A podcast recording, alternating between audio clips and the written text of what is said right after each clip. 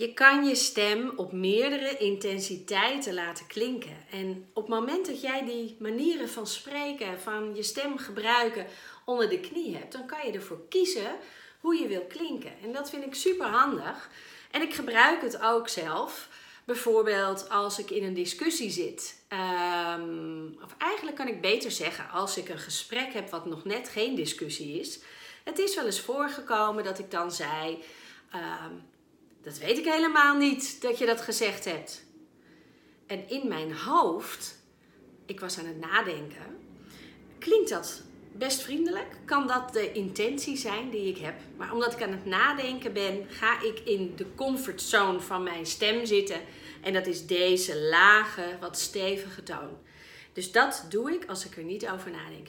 Weet ik helemaal niet meer dat je dat gezegd hebt op het moment dat je dat doet tegen je partner of een collega, dan kan dat wat fel en niet zo aardig overkomen.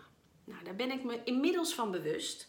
En wat ik doe als ik iets wil zeggen, is één fractie van een seconde nadenken over hoe komt dit over als ik dit zeg op mijn comfortzone manier.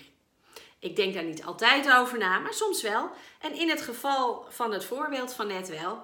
Dus ik zei: Dat weet ik helemaal niet meer dat je dat gezegd hebt.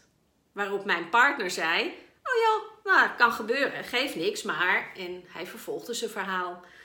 Voel je wat het verschil is of ik het met een stevige intensiteit zeg of dat ik het een wat lichtere intensiteit meegeef? En dat verschil is super fijn als je dat ehm, kan, als je weet hoe je dat moet doen. Hoe doe je dat nou? Is dan natuurlijk de volgende vraag. Nou, als je nou wil oefenen hoe je een lichte intensiteit met je stem voor elkaar kan krijgen, dan zou je je kunnen voorstellen hoe je praat tegen een klein kind of een hond. En ik heb zelf een pup, dus dat hoor ik mezelf nu ontzettend vaak doen. hey, ben jij zo ontzettende lieverd? En kan je zo goed wachten? En, en ben je helemaal niet aan het piepen geweest dat ik even weg was? Nou, wat een knappe hond ben je toch?